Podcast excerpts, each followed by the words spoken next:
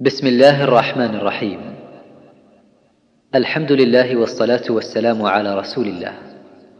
أيها الإخوة الكرام يسر إخوانكم في مؤسسة صدى التقوى بالرياض أن يقدموا لكم طالب العلم والعناية بالسنة والحديث.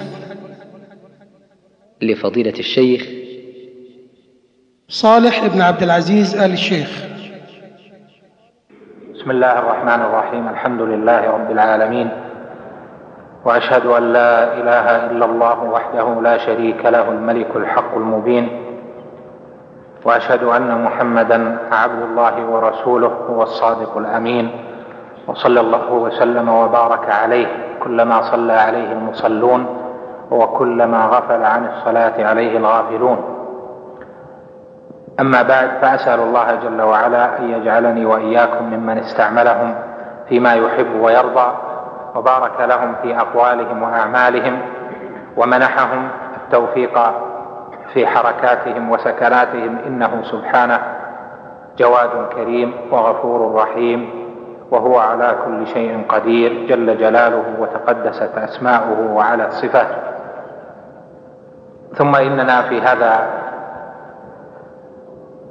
الدرس الذي نستقبل به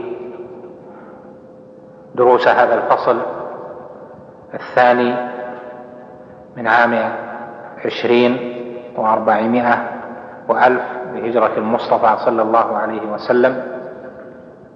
لنسأل الله جل وعلا أن يجعلنا فيه ممن طلبوا العلم له وبذلوه له وجلسوا متعلمين عالمين أن الأجر والفضل ورفعة المنزلة إنما هي في تعلم ما قال الله قال رسوله وما قرره أئمة أهل العلم من أهل السنة والجماعة.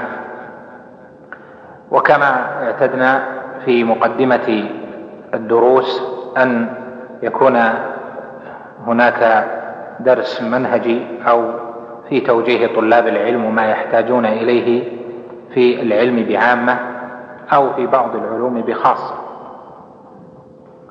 وقد ذكرنا في هذه الدروس المنهجية كثيرا مما يحتاجه طلاب العلم في العلوم المختلفة كالعقيدة والتفسير وعلوم الآلة والعلوم الصناعية وأشياء كثيرة وكتب الفقه وكتب الحديث وما يتصل ب المقدمات اللغوية والمقدمات لفهم التفسير وللاستدلال بالقرآن ولمنهجية الطلب بشكل عام. وذكرنا أشياء في ذلك. نرجو أن تكون مفيدة لقائلها ولسامعها إن شاء الله تعالى. ومما يجدر التنبيه عليه والاهتمام به من كل طالب علم الاعتناء بالسنة والحديث. لأن السنة والحديث هي أصل العلوم لأنها هي قال رسول الله صلى الله عليه وسلم. والنبي عليه الصلاة والسلام بين للناس الدين في حياته بأقواله وأفعاله.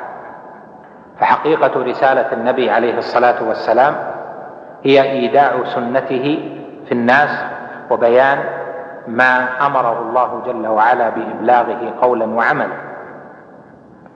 ولهذا كان أعظم ما يعتني به طالب العلم بعد العناية بالقرآن أن يعلم سنة النبي صلى الله عليه وسلم العلمية والعملية ما فيها العقائد والأحكام وعلوم القرآن والتفسير والآداب والأخلاق والسلوك إلى آخر ذلك من أنواع وموضوعات السنة. فالاهتمام بالحديث وبالسنة مما يكون مع طالب العلم قويا في ملكته متصلا على الحقيقة بميراث الرسول صلى الله عليه وسلم. لأن النبي عليه الصلاة والسلام إنما ورث أمته العلم. والله جل وعلا أمرنا في كتابه في أكثر من ثلاثين موضعا بطاعة الرسول صلى الله عليه وسلم. الطاعة هنا في الأخبار باعتقادها واعتقاد ما دلت عليه وفي الأحكام والأوامر والنواهي بامتثالها بحسب الاستطاعة والانتهاء عما نهى الله جل وعلا عنه والاستغفار عن التقصير. وهذا مع غيره إنما يعلم بالسنة وبالحديث. ولهذا كان العلم في زمن السلف زمن الصحابة رضوان الله عليهم وفي زمن التابعين وتبع التابعين كان العلم إما أن يكون آية محكمة أو سنة ماضية. هذا هو العلم. والصحابة اجتهدوا ثم بعد ذلك صار إضافة إلى الكتاب والسنة هناك هدي الصحابة واجتهاد الصحابة وما قاله صحابة النبي عليه الصلاة والسلام. ولهذا قال الحافظ الذهبي رحمه الله تعالى العلم قال الله قال رسوله قال الصحابة ليس خلف فيه ما العلم نصبك للخلاف سفاهة بين الرسول وبين رأي فقيه. أو كما قال أيضا ابن القيم رحمه الله في النونية العلم قال الله قال رسوله قال الصحابة هم أولو العرفان. ما العلم نصبك للخلاف سفاهة بين الرسول وبين رأي فلان؟ وهذا يشمل الخلاف في رد السنة لخلاف أحد المتكلمين في العقائد وهو أعظم الخلاف الذي ردت به السنة ولا يعذر فيه أحد. ثم بعد ذلك يأتي الخلاف الذي حصل بين الصحابة في المسائل العلمية والفقهية وفي تفسير القرآن إلى آخر ما هنالك من خلاف في ذلك. فصار المتميز عند السلف هو الذي يعلم الكتاب والسنة أكثر.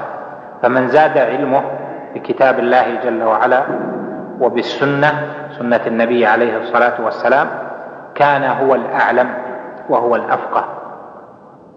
ولهذا ذكروا في الموازنة ما بين مثلا بين إبراهيم النخعي وبين عامر بن شراحيل الشعبي وهما فقيهان معروفان. أحدهما كان في الكوفة والآخر في البصرة. كانوا يقدمون الشعبي لما كان عليه من السنة وعلم العلم بما قال النبي صلى الله عليه وسلم.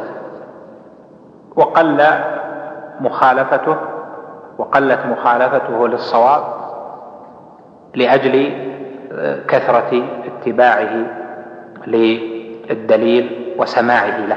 فكثرة معرفته بالأخبار وبالسنن وكثرة ما روى منها جعل طائفة من أهل العلم يقدمون ما يقول أو ما يفتي به على غيره. وهذا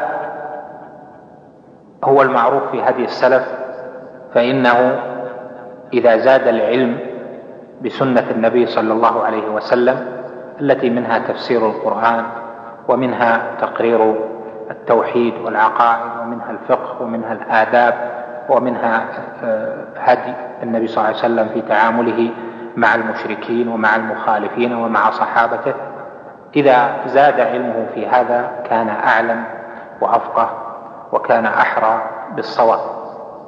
وهذا يعني أن هدي السلف الصالح في العلم والتعلم هو الاهتمام بالسنة سنة النبي عليه الصلاة والسلام والأحاديث. ثم يسر الله الأمر بأن صنفت كتب الحديث فكان من أوائل ما صنف في ذلك الموطأ لإمام دار الهجرة مالك بن أنس رحمه الله تعالى فصنف الموطأ وهو على اختصاره فيه من العلم الشيء الكثير جدا. حتى قال طائفة من أهل العلم ليس بعد كتاب الله أصح من موطأ مالك بن أنس. وذلك آه، لأجل أنه كان قبل كتاب البخاري ومسلم. ثم لما تتابع أهل العلم في التأليف في الحديث وفي كتابة السنن تنوعت ما بين صحاح ومسانيد ومعاجم وأجزاء حديثية وأنواع كثيرة من التعاليف معروفة آه، عند المتتبعين لها. وكان من أجل ما كتب أهل العلم الكتب الستة المشهورة كتاب البخاري أبي كتاب البخاري أبي عبد الله وكتاب مسلم بن الحجاج وكتاب أبي داود السجستاني السنن وجامع أبي عيسى الترمذي وسنن المجتنى والمجتبى للنسائي وسنن للحافظ بن ماجه رحمهم الله تعالى. وهذه مصنفة على الأبواب وعلى الموضوعات. وأما المسانيد فأعظمها مما هو بين أيدينا مسند إمام أهل السنة والجماعة الإمام أحمد بن عبد الله بن أحمد بن بن عبد بن محمد بن حنبل أبو عبد الله الذي كتب وصنف مسنده على الأمصار. جعل مسند العشرة ثم مسند المهاجرين أو والمسند الأنصار ومسند المكيين والمدنيين والشاميين إلى آخر ذلك ثم مسند النساء في آخره. وهذه الكتب لم يزال أهل العلم يعتنون بها. جدا الكتب الستة مع مسند الإمام أحمد ومع الموطأ. والعلم بالسنة هذا من أهم ما يعتني به طالب العلم. والاهتمام بالعلم بحديث النبي صلى الله عليه وسلم يقوى به في الإنسان في طالب العلم يقوى به الملكة في العلم ويقوى به الحفظ وتقوى به الدراية في الفقه والفهم ويحصل له خير كثير في السلوك وفي معرفة الهدي والسنن في أموره كلها. ليس في أمر اللباس فقط أو في بعض السنن ولكن في جميع أموره في بيته وفي لفظه وفي حواره وفي تعامله وفي ما يأتي وفي ما يذر وفي حسن خلقه فسنة النبي صلى الله عليه وسلم أبوابها واسعة. وإذا كان الأمر كذلك وأن العناية في علم الحديث لم يزل أهل العلم يوصون بها ويهتمون بها فطلاب العلم بحاجة كبيرة جدا إلى العناية بهذا العلم. والعناية به هو موضوع هذه الكلمة وهذا الدرس. ويمكن أن نجعله في عدة نقاط أو موضوعات. أما الأول فهو أن علم الحديث قسمه العلماء إلى علم رواية وعلم دراية.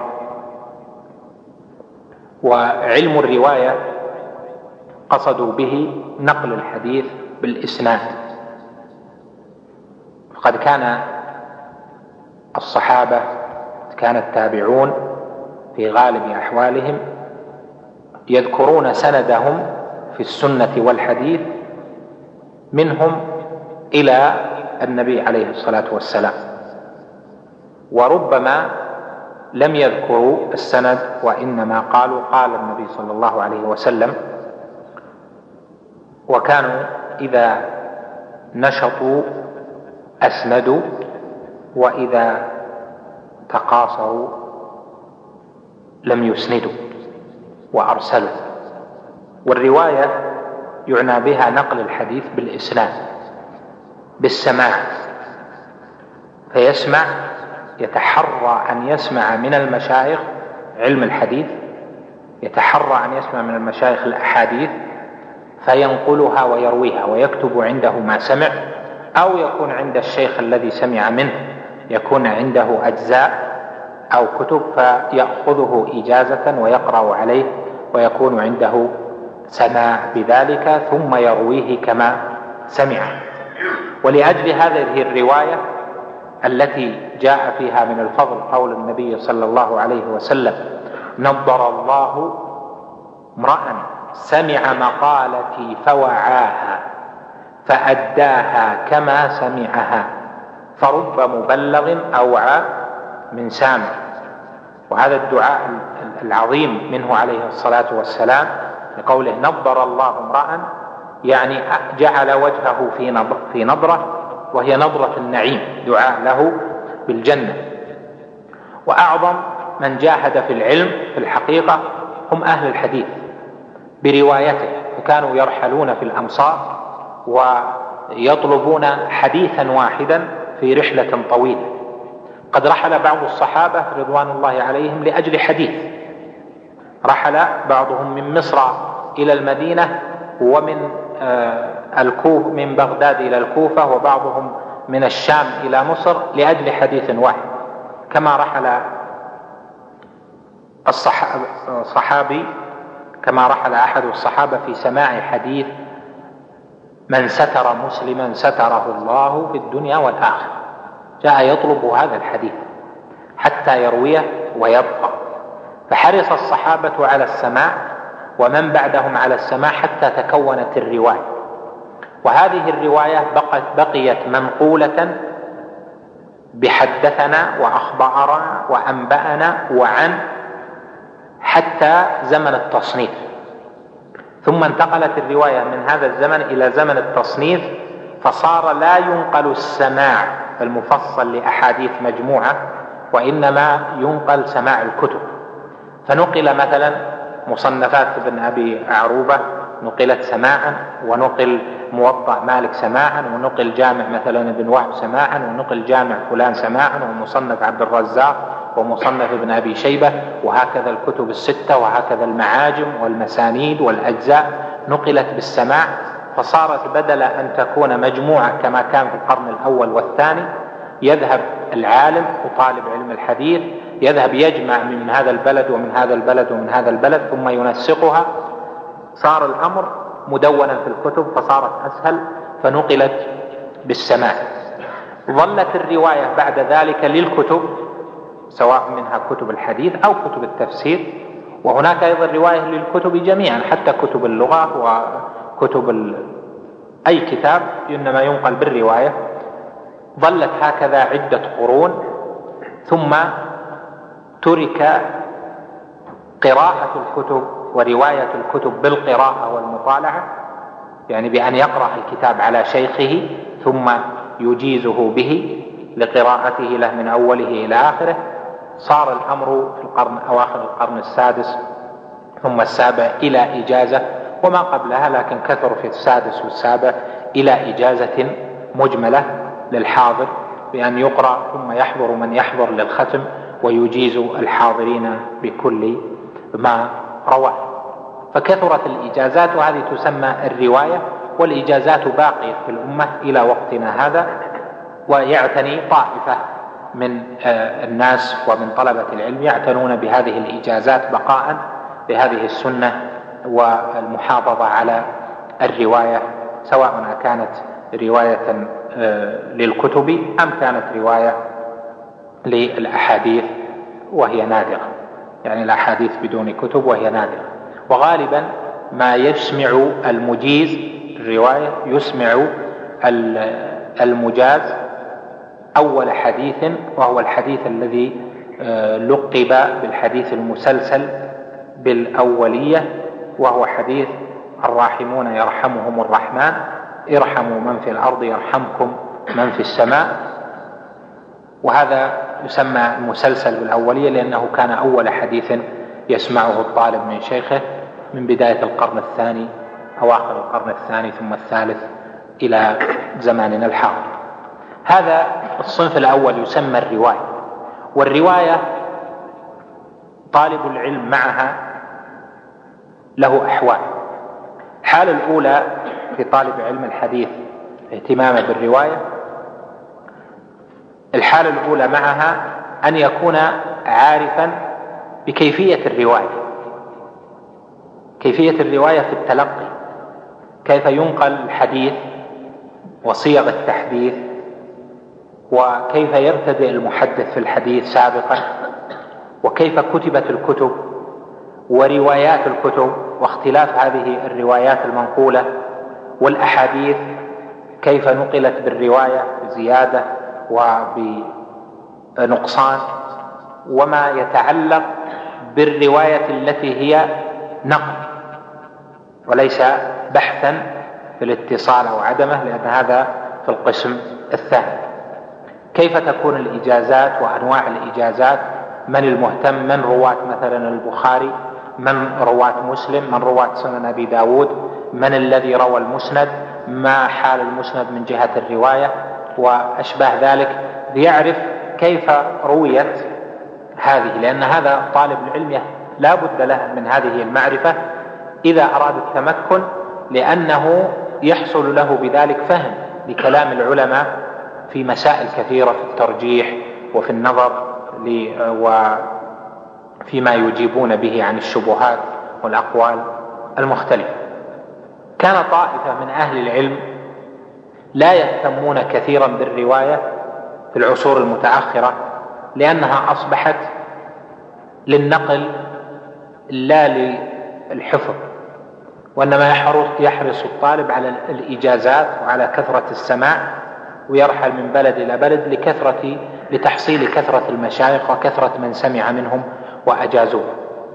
وهذا صار فيه هبوط في المقصود من الرواية وهو حفظ السنة إلى أن يكون المقصود من الرواية هو التكاثر كما حصل في الأعصر المتاخره ولهذا امتنع كثير من العلماء عن الإملاء وامتنعوا عن تلاوة الأحاديث بإسنادها منهم إلى النبي عليه الصلاة والسلام لأنهم يكون بينهم مثلا عشره خمسه عشر نفس وقل ذلك في العصر المتأخرة لأجل كثرة الإجازات وفجوها فامتنع طائفة من كثرة السماع وتتبعه كالحافظ بن كثير مثلا وانشغلوا بغيره. لهذا الحافظ بن حجر لما ذكر ابن كثير في الدرر الكامنة قال لم يكن مع حاصل كلامه لم يكن له همة فيما في تحصيل الأسانيد والإجازات كعادة أهل الحديث. أما في زماننا الحاضر فثم من طلاب العلم ومن المشتغلين بتحصيل الأسانيد من بالغ في تحصيل الإجازات. وصارت شغله الشاغل وهمه الذي يفكر فيه دائما وهذا في الواقع ليس مقصودا لأن تحصيل الإجازات والأسانيد وبقاء الرواية هذا مطلوب لأجل الحفاظ على هذه السنة وعلى هدي أهل العلم في ذلك لكن هو مقصود لغيره. المقصود هو الفقه في الدين لأن الله جل وعلا أثنى على من يتفقه في الدين. أما مجرد تحصيل هذه الإجازات دون علم بما فيها فهذا ليس مطلوبا بل ليس مرغوبا فيه. آه، فوجد من عنده إجازات عالية وأسانيد في بعض الأمصار وليس من أهل الاستقامة أصلا. عنده مثلا كبائر من الذنوب وعنده موبقات أو عنده أشياء ليست بحسنة وبعضهم على غير طريقة طريقة أهل الحديث في سلوكه وبعضهم على عقائد باطلة وغلاة في التصوف مثلا أو في أو في المذاهب البدعية في العقائد كالأشعرية وغيرها ويكونون جلدين في ذلك. وبعض المنتسبين أيضا لعلم الحديث بالغوا في ذلك حتى صاروا يجمعون هذه الروايات من ها هنا وها هنا. هذا ليس مقصودا لذاته وإنما إذا حصل فلا بأس هذا شيء طيب ويحرص عليه طالب العلم. لكن إذا لم يحصل إلا بتعب فليس هو المقصود. والناس اليوم بحاجة إلى تعليم العلم النافع. نعم لابد من بقاء سلسلة الإسناد وبقاء الرواية لكن أن تكون هي الشغل الشاغل هذا خلاف الأصل والمقصود من الرواية وطلب علم الحديث. مما يدخل في بحث الرواية أيضا معرفة عند بعض العلماء يدخل في الرواية معرفة طبقات الرجال والحفاظ ورواة الأحاديث حتى يميز في الرواية ما بين في السماع وصحته يعني في طريقة الأداء واللقي وأشباه ذلك. لكن هي تدخل في القسم الثاني وهو الدراية الذي سيأتي بيانه مما يتصل بالرواية أن كثيرا من كتب أهل العلم التي طبعت وخاصة كتب الكتب الستة والمسند ونحوها لم تطبع على رواية واحدة معروفة. هناك ما طبع على رواية لكن الأكثر أنها طبعت على نسخ خطية لكن ليست على رواية معروفة. يعني يقال مثلا هذه للبخاري هذه هذا طريق أبي الوقت مثلا نسخة أبي الوقت مثلا هذه نسخة الكشميهني. هذه رواية الفربري عن البخاري. هذه رواية ابن شاكر عن البخاري وهي غير موجودة. أو في في سنن أبي داود في سنن أبي داود يقال هذا من أولها إلى آخرها هي رواية اللؤلؤ أو رواية ابن الأعرابي.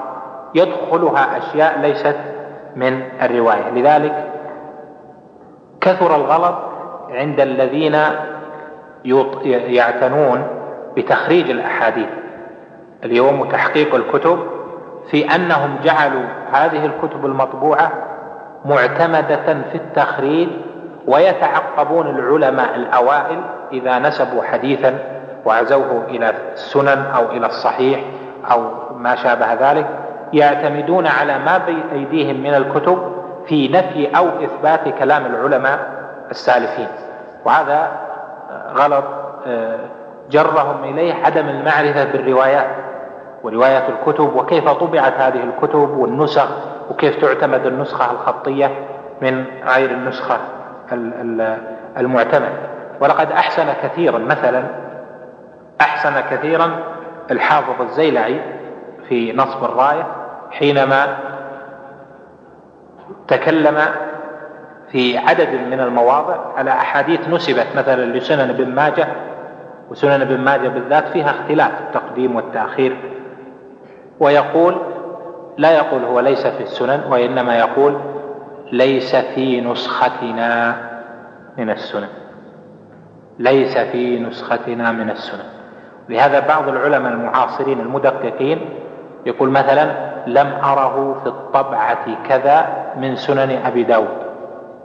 لم أره في طبعة البخاري الموجودة مع فتح الباري الطبعة السلفية راجعت مواضع كذا وكذا ولم أره ومن غير هدي المتحققين بالعلم والعالمين بمنزلة أهل الحديث السالفين والعلماء والأئمة الحفاظ من غير اللائق به بأهل العصر أن يقول غلط فلان ووهم فلان ويغلطونهم والروايات هو لا يعرفها تماما روايات الكتب كتب الحديث وما فيها من الاختلاف.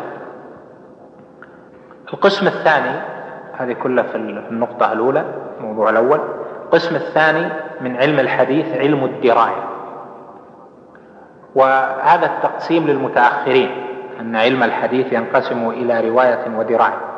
والدراية اختلف فيها أهل العلم على قولين. الأول أن الدراية يقصد بها دراية رواية الحديث من حيث صحة السند أو عدم الصحة ومنزلة الرجال من الثقة وعدمها. فترجع الدراية إلى دراية التخريج والحكم على الأحاديث. وقال آخرون الدراية إنما هي دراية بالمتن لا بالسند يعني بفقه الحديث وبما يحمله من العلم. والأظهر في ذلك أن كلمة الدراية من حيث إنها راجعة إلى درى ويدري وأنها لفظ مصطلح والاصطلاح لا مشاحة فيه الأظهر أنها تشمل الأمرين لأنه هناك دراية في السند وهناك دراية للمتن ودراية السند بتصحيحه ومعرفة رجاله ودراية المتن بالفقه فيه. وهذه الدراية هي التي تنافس فيها العلماء وتميز فيها الأئمة وأهل العلم بالحديث عن أهل السماع والنقل فأهل المرتبة الأولى الرواة هؤلاء قد لا يكونون عندهم فقه وقد لا يكون عندهم علم وإنما هم نقلة وقد أدوا ما سمعوا ونسأل الله جل وعلا لهم نظرة في وجوههم ودخولهم في دعاء النبي عليه الصلاة والسلام. أما الدراية فهذه تشمل دراية الأحاديث المروية صحة وضعفا ومنزلة الرجال طبقات الرجال كلام أئمة أهل الجرح والتعديل وما يتصل بذلك من المباحث مما سيأتي تفصيله ودراية المتن بمعرفة فقهه واختلاف العلماء في ذلك. وهاتان المسألتان يأتي الكلام عليهما فيما نستقبل إن شاء الله تعالى. الموضوع الثاني هو موضوع رجال الحديث وهو جزء من الدراية التي ذكرنا دراية الرواة.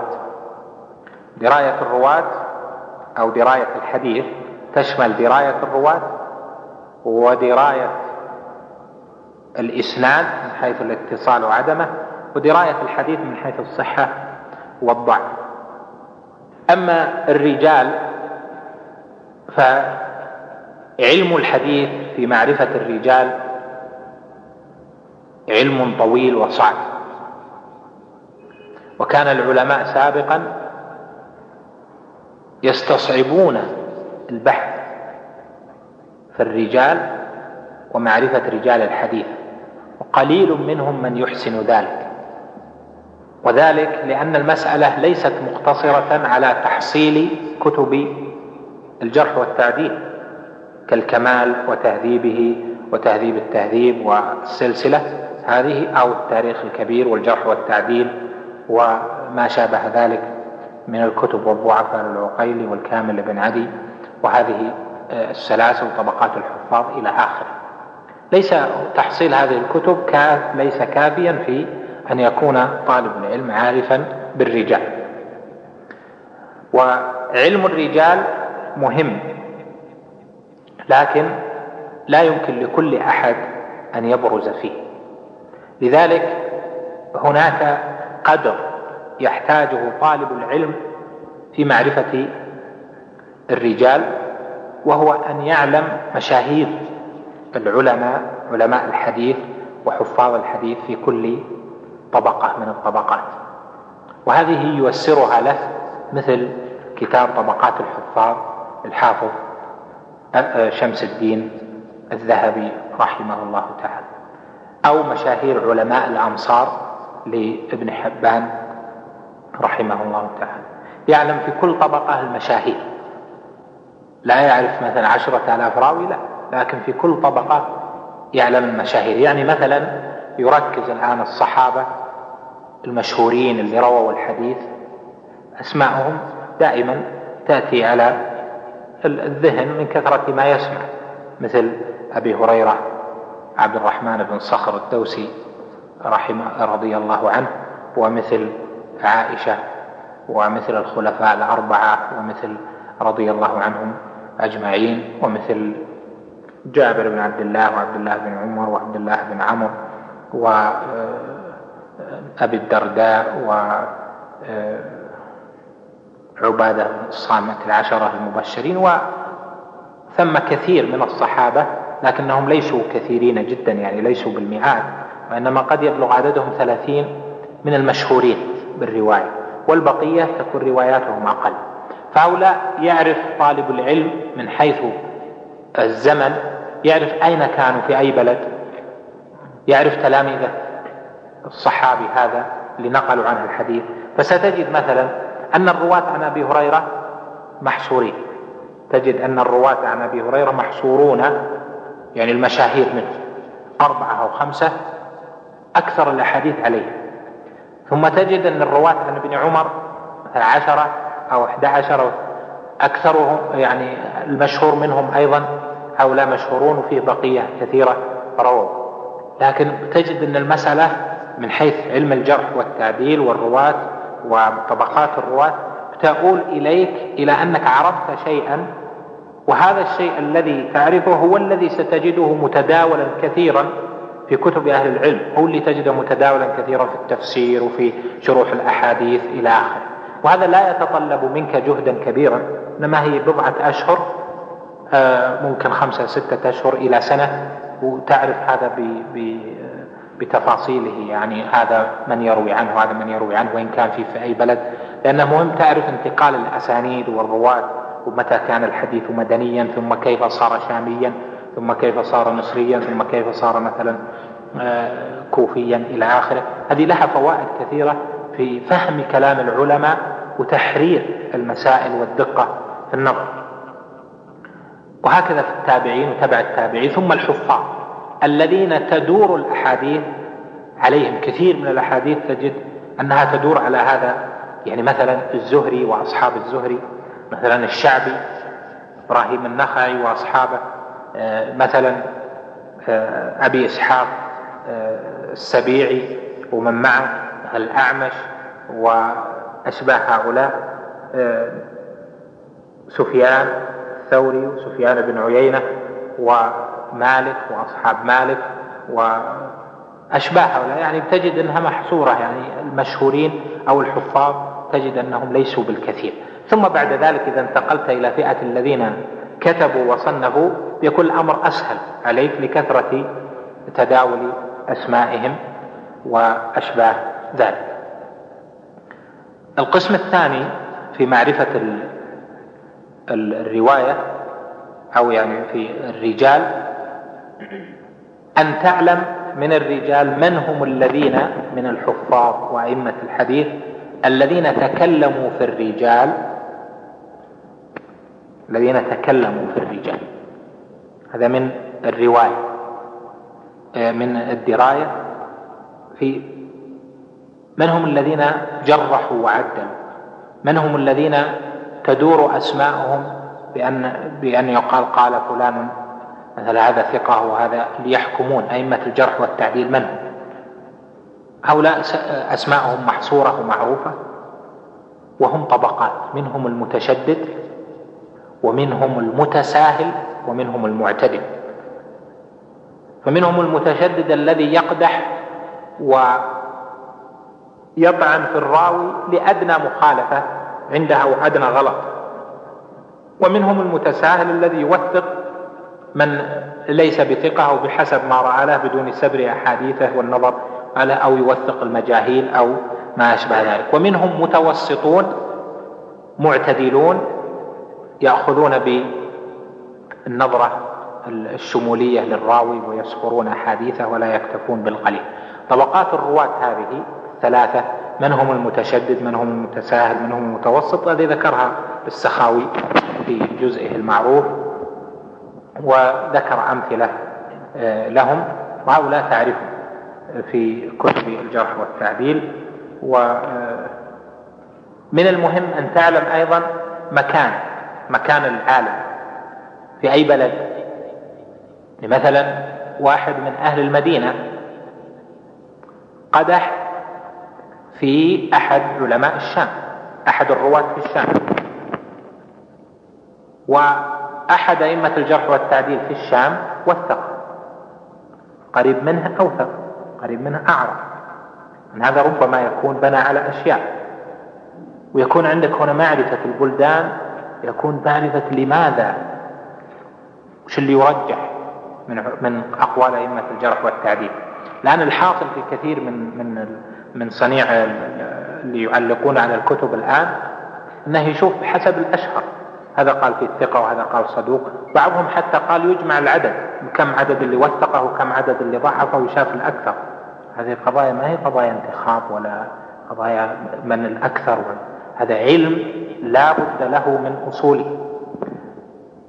مثلا أهل الكوفة يوثقون أحد رواة الكوفة. ويأتي واحد من مصر يضعف. هل يقبل كلامه؟ ويجي يأتي ويقول يقول الجرح مقدم. على التعديل ليس كذلك. ليس الأمر كذلك. إذا مسألة أقوال أئمة الجرح والتعديل ومن يؤخذ القول اللي يؤخذ به وما لا يؤخذ به هذه مسألة عظيمة تحتاج إلى نظر من الأئمة وأهل العلم بالحديث وليس كل أحد يستطيع ذلك. لكن طالب العلم من أمثالنا يكفي يعرف طبقات أئمة الجرح والتعديل في أي بلد كانوا ومن هو المتشدد منهم من هو المتساهل والمتوسط يكون عنده خلفية بحيث إذا صار عندك في قراءة شرح من شروح الأحاديث أو راجع ترجمة من تراجم الرجال يعرف الكلام اللي يدور ماذا يعنى به وكيف ينزله منزلته الموضوع الثالث هذه موضوعات يطول الكلام عنها جدا لكن الموضوع الثالث موضوع تصحيح الأحاديث وتضعيف تضعيفها وهي داخلة في الدراية فيما ذكرنا لكم. وهذه مما اعتنى بها الصحابة والتابعون واعتنى بها أئمة أهل العلم والحديث وكان الحفظ وكتابة الأجزاء والمقابلة والمقارنة والسبر والاعتبار وجمع الشواهد ليعرف الأحاديث الصحيحة من غيرها. الأحاديث الصحيحة في معرفتها لا شك أنها راجعة إلى تحقق شروط الحديث الصحيح.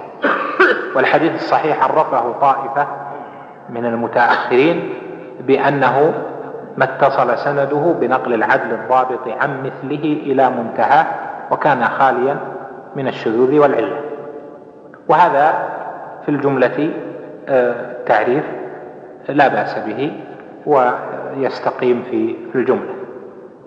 معرفة الحديث الصحيح إذا تكون مبنية على معرفة السند والثقة والعدالة والخلو من الشذوذ والعلة إلى آخره. وهذه المسائل لا شك أنها راجعة إلى الاجتهاد. لأن معرفة أن هذا عدل وضابط هذا يختلف فيها العلماء. هذا يقول فلان ثقة وهذا يقول فلان صدوق. من الذي يرجح؟ مسلم رحمه الله تعالى عند طائفة عند أكثر العلماء ثقة وإمام وعند بعض أهل عصره صدوق. بعض أهل العلم إمام ثقة وعند غيره يكون ثقة ربما أخطأ عنده أغلاط. بعضهم كان ثقة لكن ربما كان يضرب ويخطئ في بعض الأحاديث إذا كان في بلد من البلدان. فإذا المسألة راجعة إلى الاجتهاد. مثل مثلا معمر إمام معروف وعالم هو شيخ عبد الرزاق الذي يروي عنه الطريق المعروف طريق الصحيفة الصادقة صحيفة أبي هريرة. وكان الأحاديث التي يرويها في كل البلدان صحيحة إلا إذا روى في في البصرة. ما روى في البصرة فيه نظر. عالم جليل يروح للبصرة يتلخبط. هذا بعض العلماء يأتي يقول هذا عالم ثقة رأى في السند انتهى. يصحح حديث لكن المدققون من أهل العلم ينظرون هل هذا مما يعل أو لا يعل. هل روايته هذه مقبولة ليست مقبولة؟ بعضهم صحيح حديثه في الشاميين ولا يصح حديثه في المدنيين وبعضهم العكس وهكذا في أشياء كثيرة أمور الاختلاط وتغيرها وأسبابها. إذا فالمسألة أعني بذلك أن الحكم على حديث بالصحة راجع إلى اجتماع شروط. هذه الشروط تحققها اجتهاد. كون العالم يحكم بأن هذه متحققة أو ليست متحققة هذا أمر اجتهاد. فرجع الأمر إلى أن مسألة التخريج ومعرفة الأحاديث الصحيحة من غيرها أمر اجتهاد. لكن فيها أشياء فيه من الأحاديث ما هي ظاهرة الصحة.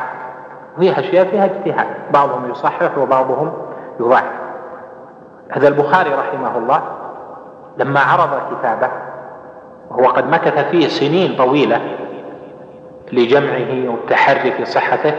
عرضه على علماء عصره وافقوه على ما أورد وأن أحاديثه صحيحة خلا أربعة أحاديث. لم يوافقه علماء عصره. أتى المتأخرون؟ قالوا الصواب في هذه الأربعة أحاديث مع مع البخاري رحمه الله. لكن أهل العصر من العلماء كأحمد وكأبي زرعة ونحوهم لم يوافقوا على ذلك. إذا المسألة فيها فيها اجتهاد كذلك مسلم رحمه الله فيه عرض على عرض كتابه على أشياء فما مشوه ما قالوا هذا صحيح أبقاه وما قالوا إنه غير صحيح أزال. وهو كان يرى أنه أنه صحيح.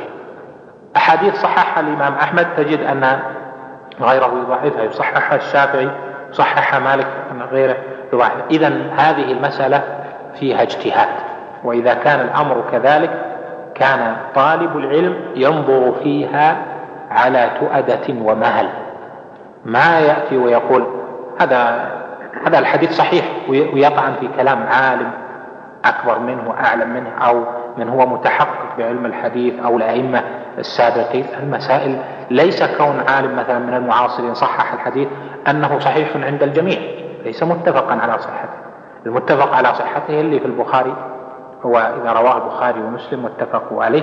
هذا متفق على صحته كما هو الاصطلاح وفي بعضها أيضا فيه مناقشة كما هو معروف إذا معرفة طالب العلم بأن اجتماع شرائط الحديث لأجل أن يكون صحيحا إنما هي مسألة اجتهادية هذه تجعله يهتم أكثر بعلم الحديث ويطلب مشاركة أهل العلم في التخريج وفي صحة الأحاديث وأيضا تجعله متواضعا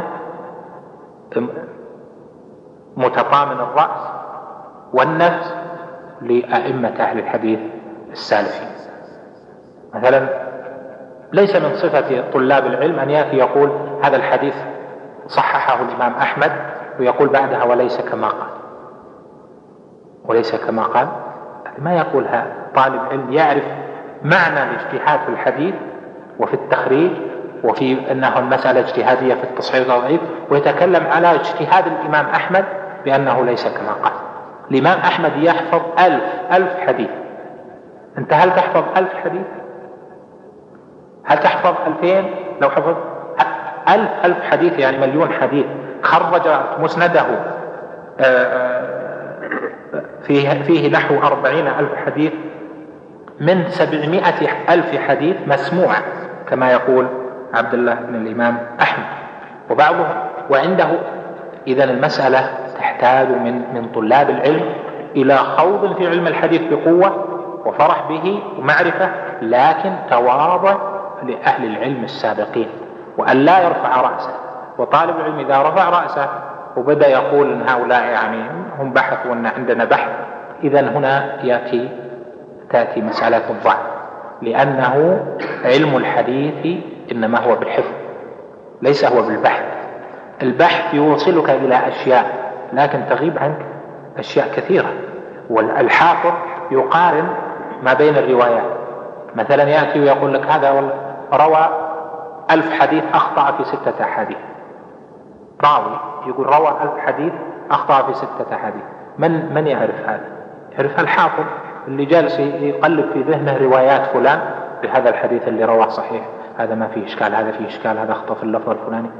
فحينئذ يحكم على الراوي بأنه ثقة أو أنه ربما أخطأ إذا كثرت أخطاؤه أو إلى آخره. فإذا المسألة تحتاج منك إلى عناية حتى تعرف كلام العلماء ومنزلة كلام أئمة أهل الجرح والتعديل والذين يصححون الأحاديث ويتكلمون فيها من السابقين والمتأخرين وبعدها يكون عند طالب العلم مشاركة ومعرفة لكنها مع تواضع وتطامن.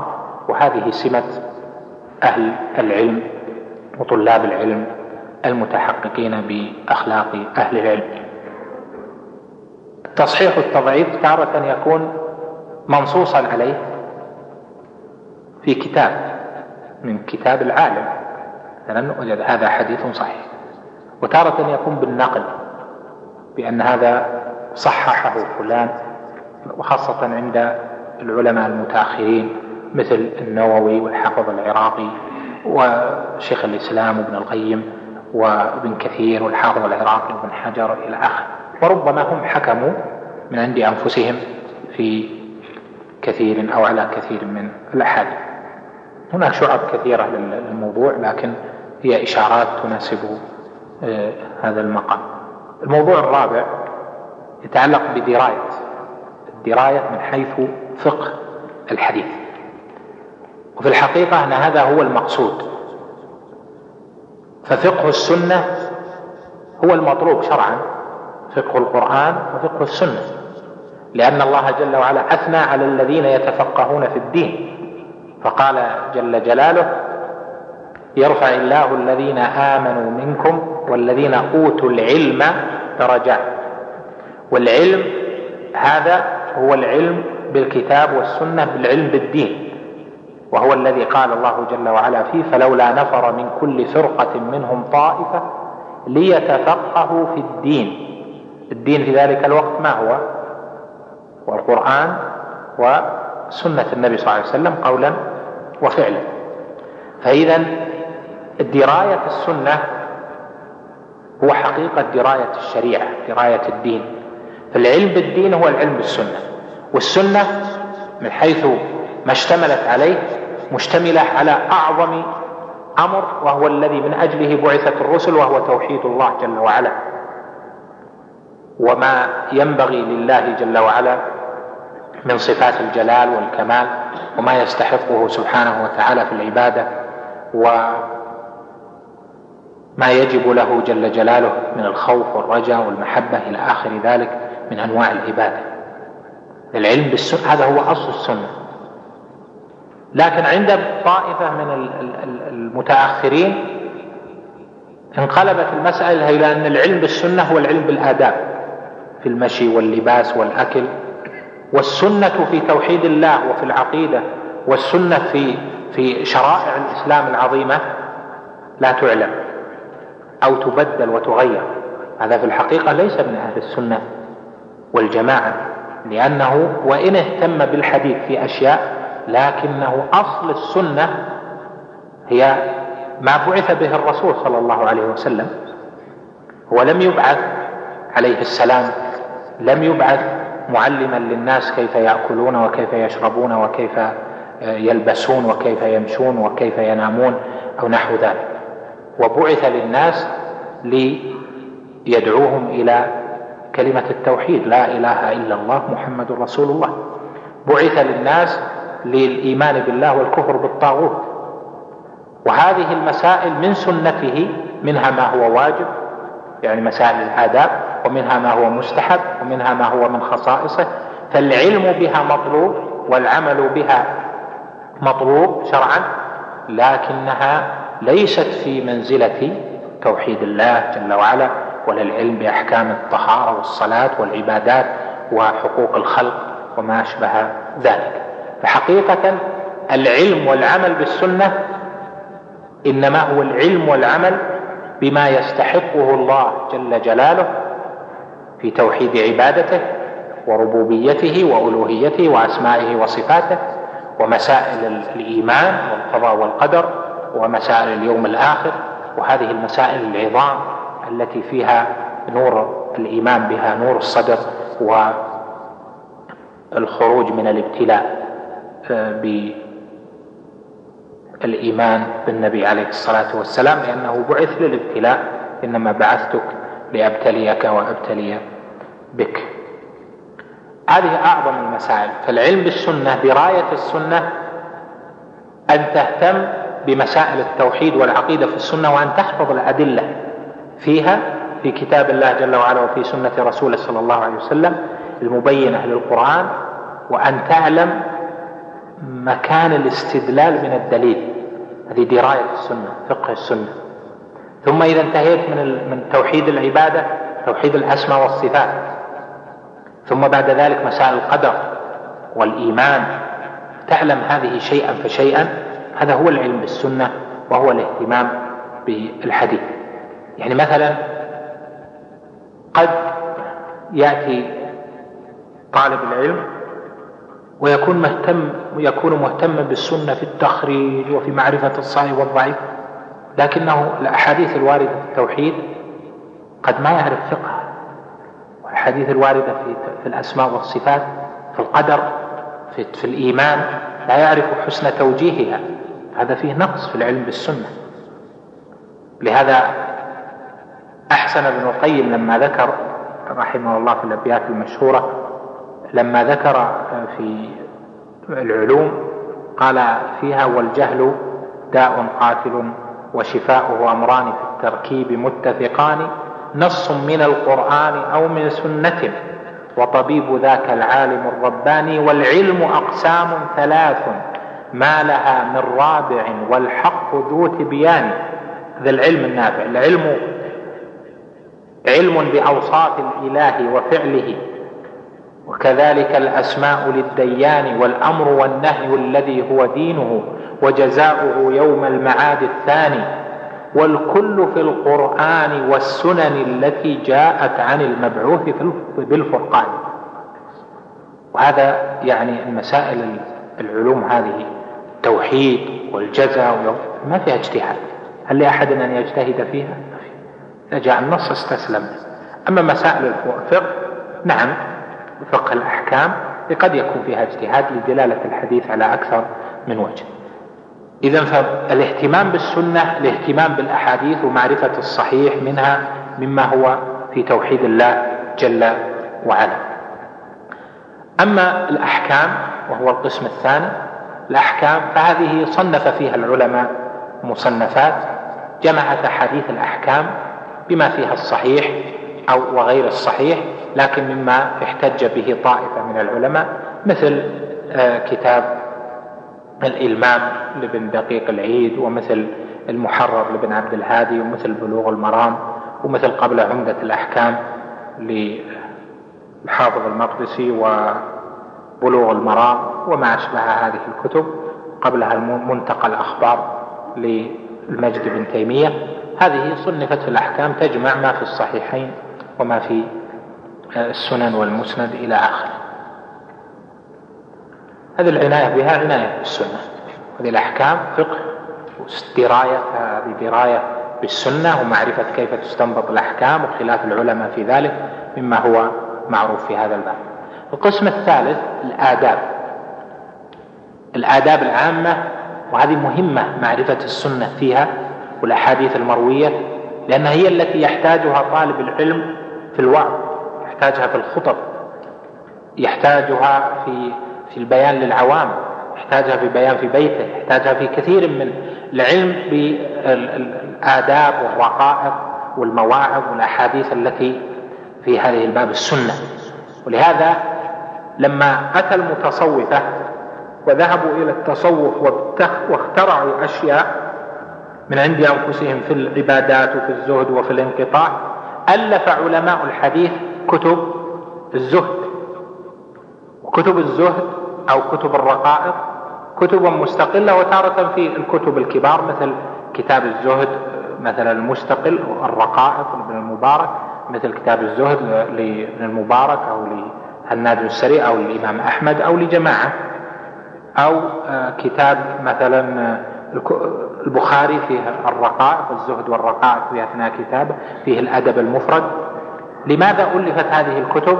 لأنها قسم من السنة لا بد من أن يعلمها أهل العلم وأن يعلمها الناس وأن تبين لهم. وربما كانت حاجة الناس في الوعظ والإرشاد وفي الترقيق إلى هذه المسائل أعظم فيما يبين حقيقة الدنيا والآخرة سيرة النبي صلى الله عليه وسلم أحوال الصحابة. كيفية الآداب العامة وآداب المجالس مثلا آداب المسجد آداب الحديث آه، وأشباه ذلك. هذه الأكل الطعام الشراب الأذكار هذه مهمة أيضا. لابد من طالب العلم أن يعتني فيها بسنة النبي صلى الله عليه وسلم. الموضوع الرابع الخامس الاهتمام بالسنة الناس فيه ما بين غال وجاف ومعتدل. وهدي أهل العلم الراسخين من القديم هو الاعتدال. وليس الغلو وليس الجفا. الذين غلوا وجعلوا مسائل من السنة جعلوها كالأصول العظيمة والقواعد العظيمة في الشريعة من حيث الدعوة إليها والإنكار فيها والكتابة فيها والاهتمام بذلك اهتماما أكبر من الاهتمام بالسنه آه، في العبادات والسنة في في التوحيد وأشباه ذلك.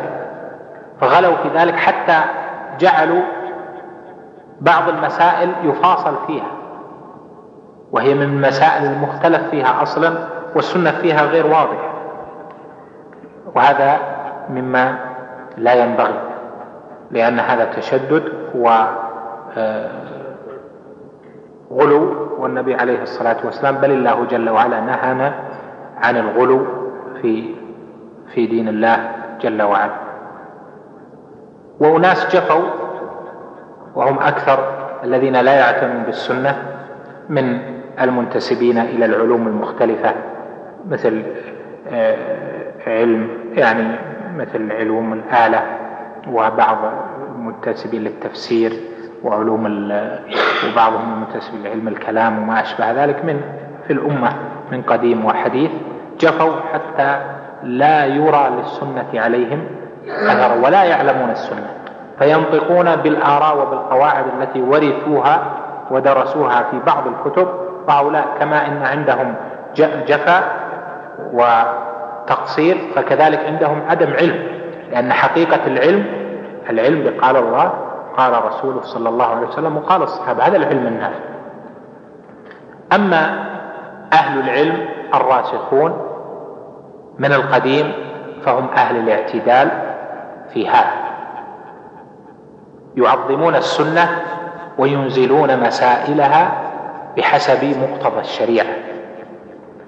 ويعلمون مسائل الواجبات ومسائل المحرمات ومسائل المستحبات والمكروهات والمسائل التي فيها السنة ظاهرة ومشهورة والمسائل التي فيها السنة خفية ويأخذون الناس بما يصلحهم لا بما يفرقهم.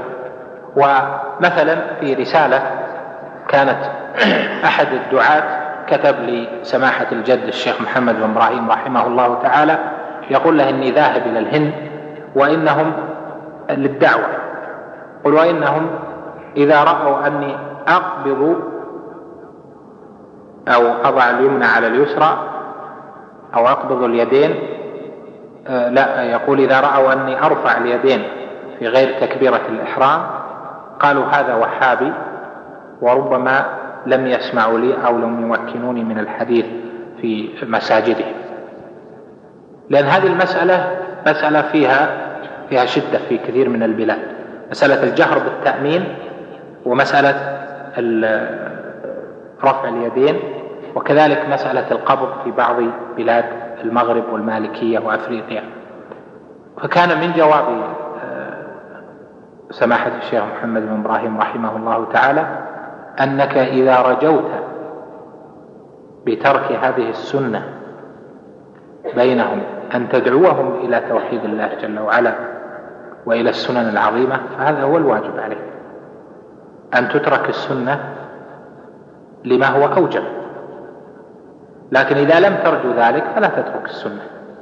هذا هو الذي ينبغي على العبد أن يعمله لأنه يدرج الناس من الأقل إلى إلى الأعظم. يعني يترك ربما ترك بعض الأشياء لتحصيل أشياء. هذه أشياء ربما تحصل في المجالس. مثلا يأتي غلط لكنه لو جادلته في كل شيء فاتك أن تركز على إفهام المخاطب أو إفهام الناس المسألة العظمى. لأنك إذا أوردت عليه مثلا عشر مسائل أحيانا نناقش بعض العلماء في بعض البلاد وفي بعض أشياء تمر منهم غلط يخطئون فيها. لكن لا لا نتعقب ما يقول في كل مسألة. لأنك إذا تعقبته ما يقول في كل مسألة يخطئ فيها. فاتك المهم. فأصبحت المسألة في ذهنه أنها معارضة. كل مسألة يعني أنا أخطئ في كل مسألة. هذه أخالف فيها وهذه أخالف فيها وهذه أخالف فيها. فربما سكت صاحب الحكمة والدعوة سكت عن أشياء لأجل أن يركز وأن يهتم بالمسائل العظمى مما أخطأ فيها صاحب الكلام والمخالفة. للسنة. مثلا بعض المسائل في التشديد في في في بعض المسائل التي يرى أنها مثلا أنها أن القول فيها الصحيح أنه واجب. والجمهور مثلا يقولون إنه إنه مستحب أو أنه يرى ان الصواب الحرمة والجمهور يقولون بمثلا الكراهة أو هناك الأكثر أو كثير من أهل العلم يقولون بالكراهة. فتجد أنه يشدد الإنكار فيها ويجعلها من المسائل التي السنة فيها كذا والسنة فيها أمر ويأتي يدخلها تحت فليحذر الذين يخالفون عن أمره أن تصيبهم فتنة أو يصيبهم عذاب أليم. هذه ليست في مثل هذه المسائل إنما هذه في المسائل العظيمة التي أو المسائل التي استبانت فيها السنة وليس فيها خلاف في فهم ودراية السنة. أما التي فيها خلاف نظر هل هذا واجب أو هذا أو هذا محرم فإن هذا لا تجعل المسألة مسألة مفاصلة وإنكار شديد وإنما هو تعليم. مثلا الأكل بالشمال. أكل بالشمال نهى عنه النبي صلى الله عليه وسلم وطائفة من العلماء وهم الظاهرية وبعض أهل العلم قالوا بحرمة الأكل بالشمال وجمهور أهل العلم على أنها الأكل بالشمال مكروهة لمشابهته للشيطان ولنهي النبي صلى الله عليه وسلم عن ذلك. إذا علم طالب العلم حقيقة السنة في ذلك وكلام أهل العلم يكون توجيهه لمن وقع في هذا الأمر يكون توجيهه بالأسلوب المناسب الذي يبين فيه الأمر. مثلا يقول السنة الأكل باليمين والنبي صلى الله عليه وسلم نهى عن الأكل بالشمال. لكن يأتي واحد ثاني يقول الشيطان يقول هذا حرام عليك لأنك أنت الآن آه، حرام وقد يدخل في كبيرة لأنه شابهت الشيطان مثل ما يقوله مثلا طائفة من الظاهرية فإذا العلم بالسنة ومعرفة مراتب خلاف العلماء فيها هذا يجعل طالب العلم تبعا للآئمة الأوائل يجعله معتدلا فيما يأتي وفيما يذهب مثل الآن الشرب قائما. الشرب قائم اختلف فيه العلماء وعامة العلماء أو أكثر العلماء على كراهته إذا كان لغير حاجة أو في غير شرب زمزم. ومن أهل العلم من قال بالتحريم ومنهم من قال بالنسخ. كان النبي صلى الله عليه وسلم شرب في حجة الوداع قائما فقالوا هذا ناسخ للنهي قبله. وعلي بن أبي طالب شرب في رحبة الكوفة قائما إلى آخره البحث المعروف. وعامة أهل العلم جمهور مثل الأئمة الأربعة وشيخ الإسلام يقولون بالكراهة لغير حاجة. إذا صار ثم حاجة فإنه الكراهة الحاجة ترفع الكراهة. يأتي مثلا يشتبك مثلا في بيته أو مع الناس في كل مسألة من هالمسائل. أو ينكر فيها ويغلظ فيها الإنكار ويأتي يجادل فيها حتى يظن أن كل مسألة هي مسألة مجادلة. هذا ليس صفة المتحقق بالسنة وإنما هو يرشد ويعلم. يقول مثلا النبي صلى الله عليه وسلم نهى عن الشرب قائم. السنة الشرب جالسا ما يأتي يقول الشرب قائما حرام كيف فيها كذا أو يكون يعرف من القول الثاني أو النبي صلى الله عليه وسلم شرب فإذا المسائل الآداب في السنة الناس فيها مثل ما ذكرت لك بين أهل غلو وتشديد وما بين أهل جفاء ما يهمهم شيء في المسائل وما بين أهل اعتدال وهم أهل العلم. الراسخين وهم أهل العلم الراسخون آه، الذين هداهم الله جل وعلا ووفقهم. علم هذه مسائل أنتم آه، تعلمون يعني أمثلة أكثر من ذلك؟ في السنة واجب الاهتمام بها والعناية بعلم الحديث مع وفقه السنة مع فقه القرآن هو حقيقة العلم. لهذا نوصي الجميع بذلك وأن تعتنوا به أكمل عناية. ودائما من كان همه الكتاب كتاب الله جل وعلا حفظا وتلاوة ومدارسة والسنة أيضا حفظا وقراءة ومدارسة فإنه ولا شك سيرى النور في قلبه وفي صدره. ويرى أن الفتن و ما يعرض على النفوس فيصدها عن الحق يرى أنها تضمحل لأجل قوة الوارد عليه من الحق الذي يحرق الله جل وعلا به ما يعرض للقلوب من الباطل. وهذا ما ينبغي علينا جميعا أن نهتم به عناية بالسنة والقراءة قراءة كتب الحديث والمطالعة فيها وكثرة مراجعتها.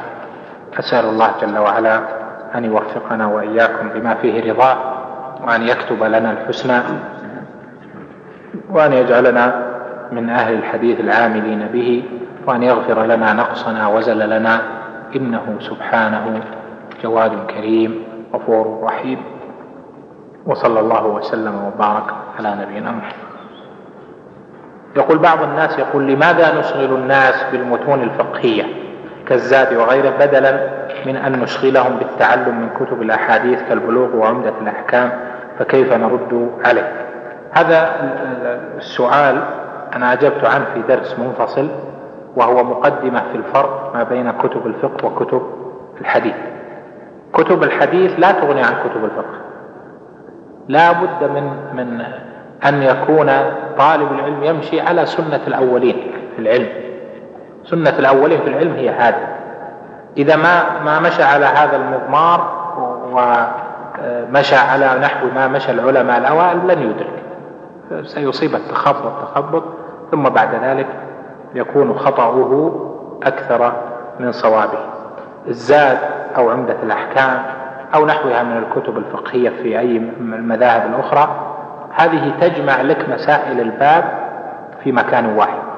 ومسائل الباب التي تحتاج إليها وتراها تحدث أمامك قد يكون دليلها القرآن وقد يكون دليلها السنة وقد يكون دليلها فعل الصحابة وقد يكون دليلها القياس وقد يكون دليلها القاعدة وقد يكون دليلها مرسلات قد يكون دليلها اجتهاد الإمام. وهذه ليست كلها في البلوغ يعني كم أحاديث الطهارة في البلوغ؟ يعني عدة أحاديث 12 أو يعني مو كتاب الطهارة يعني ما يتعلق بالمياه مثلا. المياه أنواعها عدة أحاديث. لكن هذه كل مسائل المياه ليست كذلك إذا أتيت مثلا للصلاة الصلاة أحاديث فيها كثيرة. الزكاة ربما فيها أحاديث لكن فيه مسائل إن مثل كتاب الحوالة كم فيه من أحاديث؟ حديث واحد. لكن تجد مسائل اللي يحتاجها الناس. ما في الباب إلا قول النبي صلى الله عليه وسلم مطل الغني ظلم وإذا أحيل أحدكم على مليء فليحتل أو فليتبع أو فليتبع. ما في الباب إلا هذا الحديث. يعني بتقرأ في البلوغ في صفحتين انتهى هل هذا كتاب الحوالي انتهى الشركات مثلا وش الكلام فيها؟ الكلام على مسائل الربا تفصيله والعلة فيه وما يتعلق به. اذا كتب الفقه تدخل فيها كتب الحديث. يعني كتب الحديث اللي تورد هذه تدخل فيها في المسائل. لهذا كان من الطرق المناسبة للتعلم عند بعض الناس وليس لكل أحد من الطرق المناسبة أنه إذا قرأت الباب الفقه باب الآنية مثلا تقرأ حديث الآنية في في منتقى الأخبار وفي البلوغ أو في العمدة تقرأ تعرف تعلم حدود هذا وهذا والاجتهاد فيه. يعني مثلا تقرأ في الحديث أن النبي صلى الله عليه وسلم انكسر آه، قدحه فجعل فاتخذ مكان الشعب سلسلة من فضة آه، أو كما جاء في الرواية الأخرى. كتب الفقه إيش فيها؟ قال إلا ضبة يسيرة إيش؟ من فضة لحاجة. شوف ضبة يسيرة لحاجة. هذه ما لفظ الحديث ما فيه هذا. حديث فعل. النبي صلى الله عليه وسلم انكسر قدحه فاتخذ مكان. هذه القيود هذه اجتهاد العلماء والنظر في القواعد فيها قياس وفيها نظر في أحاديث أخرى. لهذا يحصل خلاف. فإذا طريقة أهل العلم أن يجمعوا ما بين قراءة كتب الفقه وقراءة كتب الحديث. والعناية بالسنة والاهتمام بها هي العناية بكتب الفقه والاهتمام بها لأن هذا وهذا يعطيك قوة في العلم. وخذ مثلا العلماء علماء هذه الدعوة الحاضرين والمتقدمين إلى زمن الإمام محمد بن عبد الوهاب. أجزل الله له الثواب. كان يجمعون بين هذا وهذا. قويت ملكتهم في الحديث قويت ملكتهم في الفقه وأدركتم وعرفتم سيرة آه، الشيخ عبد العزيز بن باز رفع الله درجته مع النبيين.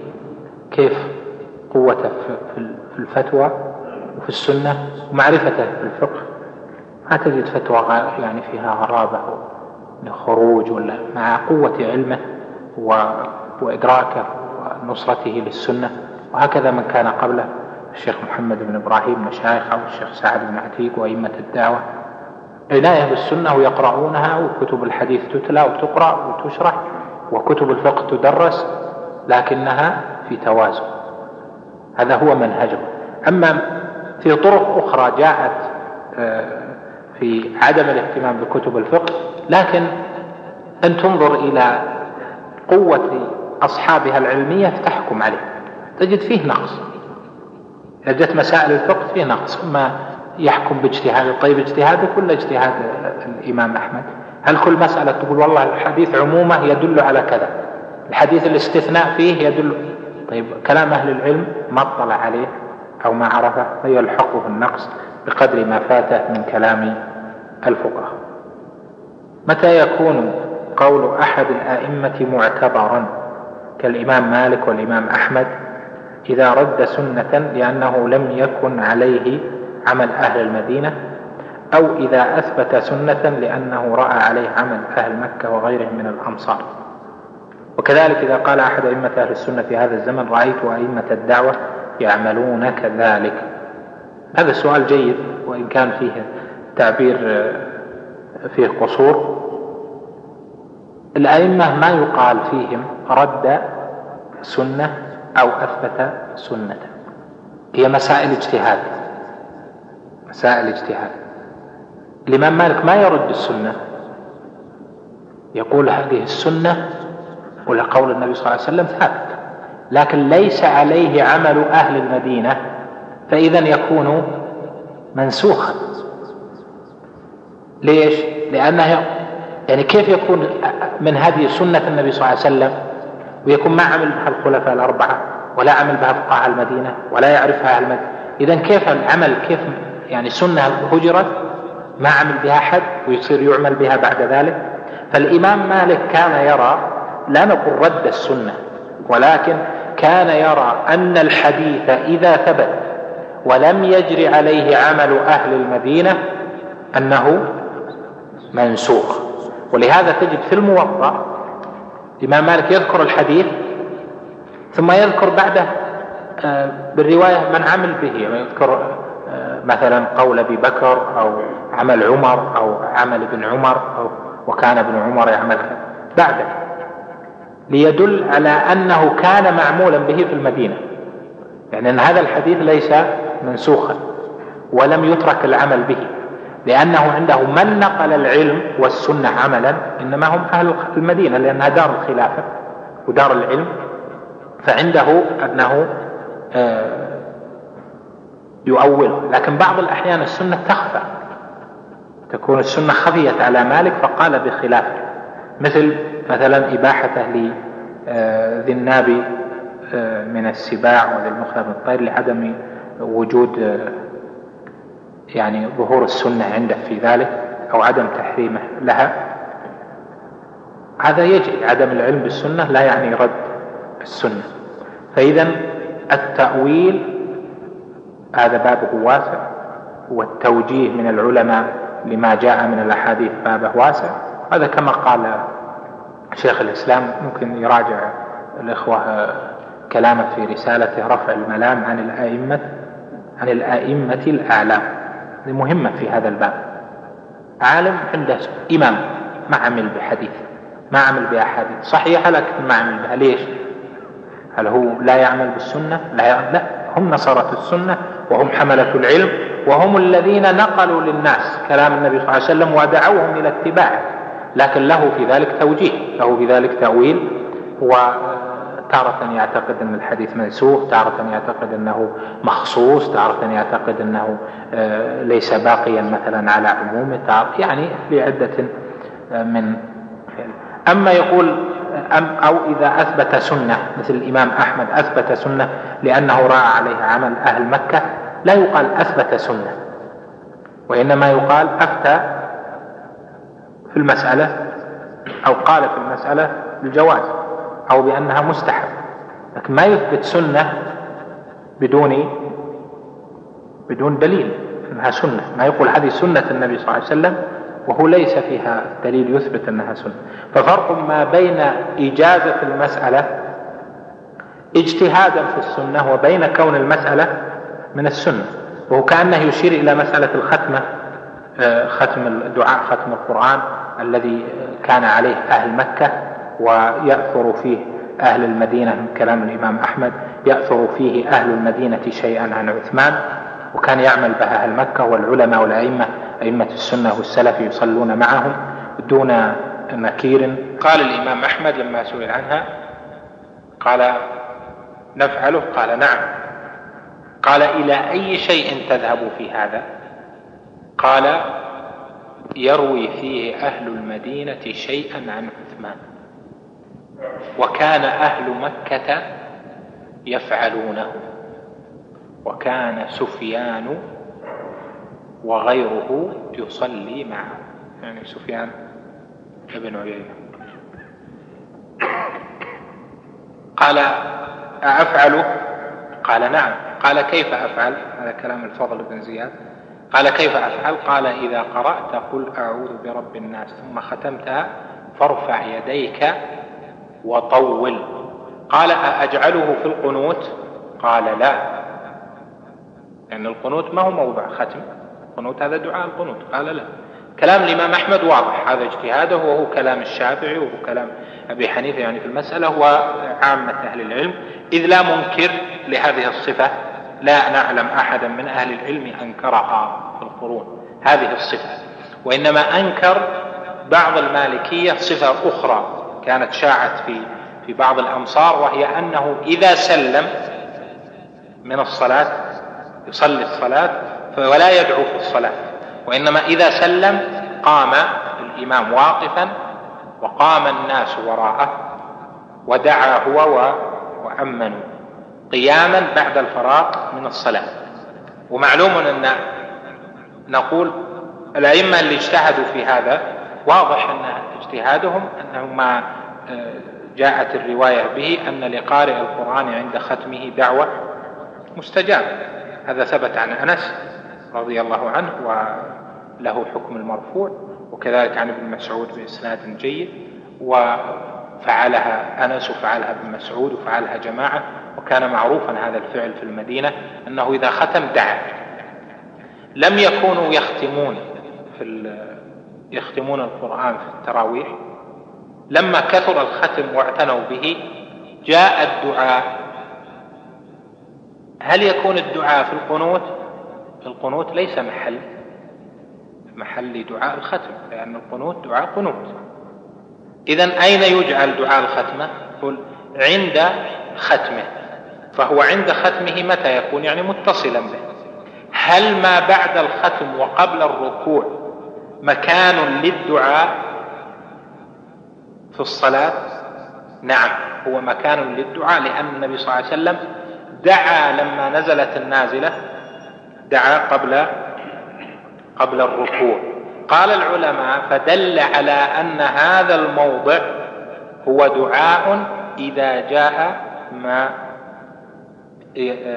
يناسبه شرعا فلذلك مشى العلماء عليه بدون نكير لأنه الموضع موضع دعاء وعند الختم لقارئ القرآن عند ختمه دعوة مستجابة ولم ينكره أحد.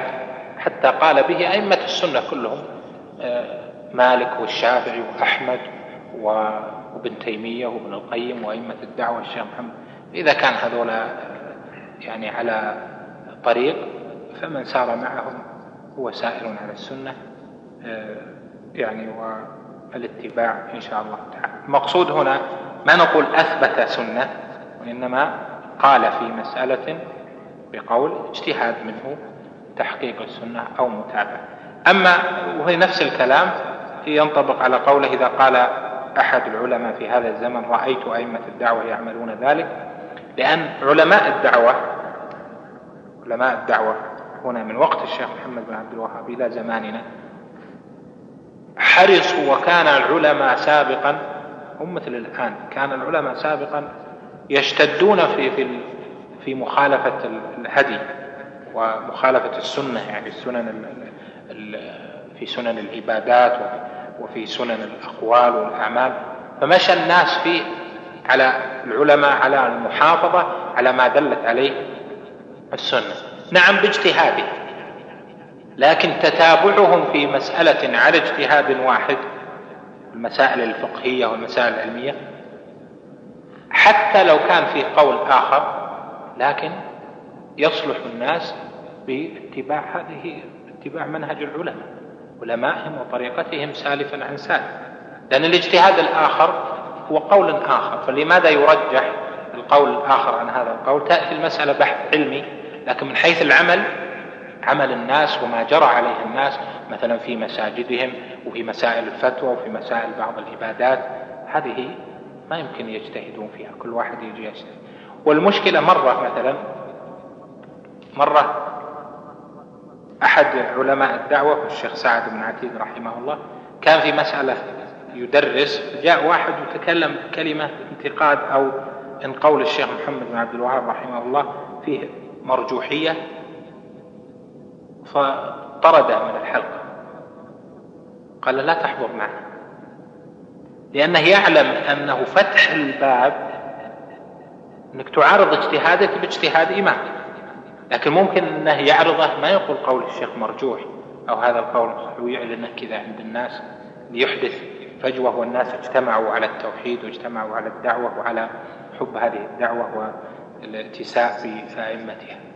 ممكن يعبر بطريقة أخرى أو يعلم الحق يتفاتح مع العالم بينه وبينه يسأل عن وجه الصواب.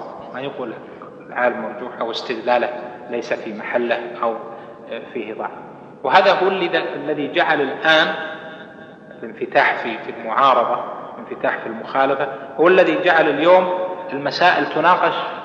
الآن صارت مسألة الشفاعة طلب الشفاعة من الأموات قالوا فيها إيش؟ فيها قولان. في بعض طلبة العلم وصلوا إلى هذا وأخذوا كلام ابن تيمية وبعضه وقالوا هذا يدل على أن المسألة ليست قولا واحد يعني إذا ندخل شيئا فشيئا في مسائل التوحيد والخلاف ويصبح اجتهاد واحد آه، يكون هو كلامه يكون هو المقدم على كلام الأئمة والعلماء. هذا غير مقبول. في هذا الزمن فيه علماء يردون لكن لو فتح المجال يأتي زمن يتكلم متكلم باجتهاده ويضعف العلم فلا يأتي من؟ من يرد عليه. فيتبع الناس من آه، يفتي لهم بحسب ما ظهر له ويقع الناس في قول النبي صلى الله عليه وسلم فيتخذ الناس رؤوسا جهالا فيسألون فيفتون فيضلون ويضلون. فيه مسائل راجحة ومرجوحة لكن الهدي العام ينبغي المحافظة عليه وتغييره ما يكون من يكون من أهل العلم هم اللي يعرفون ويرجحون ويرون المسألة. والله المسألة الزمن اختلف يفتي أهل العلم فيها. والله كان عليها أئمة الدعوة لكن الزمن اختلف. المسائل بعض العبادات أو مسائل فقهية والفتوى تغيرت أو اجتهدوا فيها اجتهاد حادث نعم لكن يأتي أفراد من الناس وطلبة العلم ويضادون الهدي أو يجتهدون في مساجدهم اجتهادات من عند أنفسهم هذا غير مقبول. نكتفي بهذا القدر وإن شاء الله نلتقي يوم السبت القادم بإذنه تعالى والخميس أيضا الصباح كالعادة. وفق الله الجميع. شكر الله لفضيلة الشيخ على ما قدم وجعله في ميزان حسناته. وإلى اللقاء مع شريط آخر. وتقبلوا تحيات إخوانكم في تسجيلات التقوى الإسلامية الرياض. والسلام عليكم ورحمة الله وبركاته. بموجب فهرس تسجيلات التقوى فإن رقم هذا الشريط هو ثلاثة عشر الفا وسبعمائة وستة.